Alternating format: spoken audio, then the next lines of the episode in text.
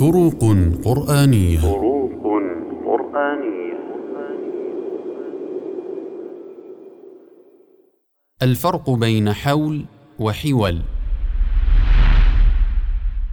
الحول بفتح الحاء وإسكان الواو بمعنى العام أو السنة وهي المدة الزمنية المؤلفة من اثني عشر شهرا وسميت السنة حولا لما يكون فيها من أحداث وأحوال كثيرة متعددة ومتباينة كما في قوله تعالى والوالدات يرضعن أولادهن حولين كاملين ويأتي الحول بمعنى الإحاطة بالشيء كما في قوله تعالى وترى الملائكة حافين من حول العرش أي محيطين بعرش الرحمن.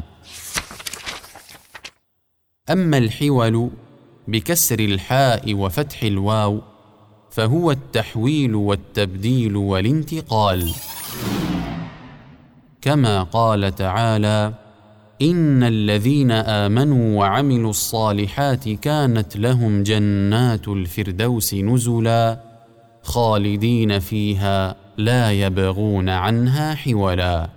أي لا يطلبون تحولا عن جنة الفردوس أو انتقالا منها إلى مكان آخر فهي أطيب المنازل وأعلاها.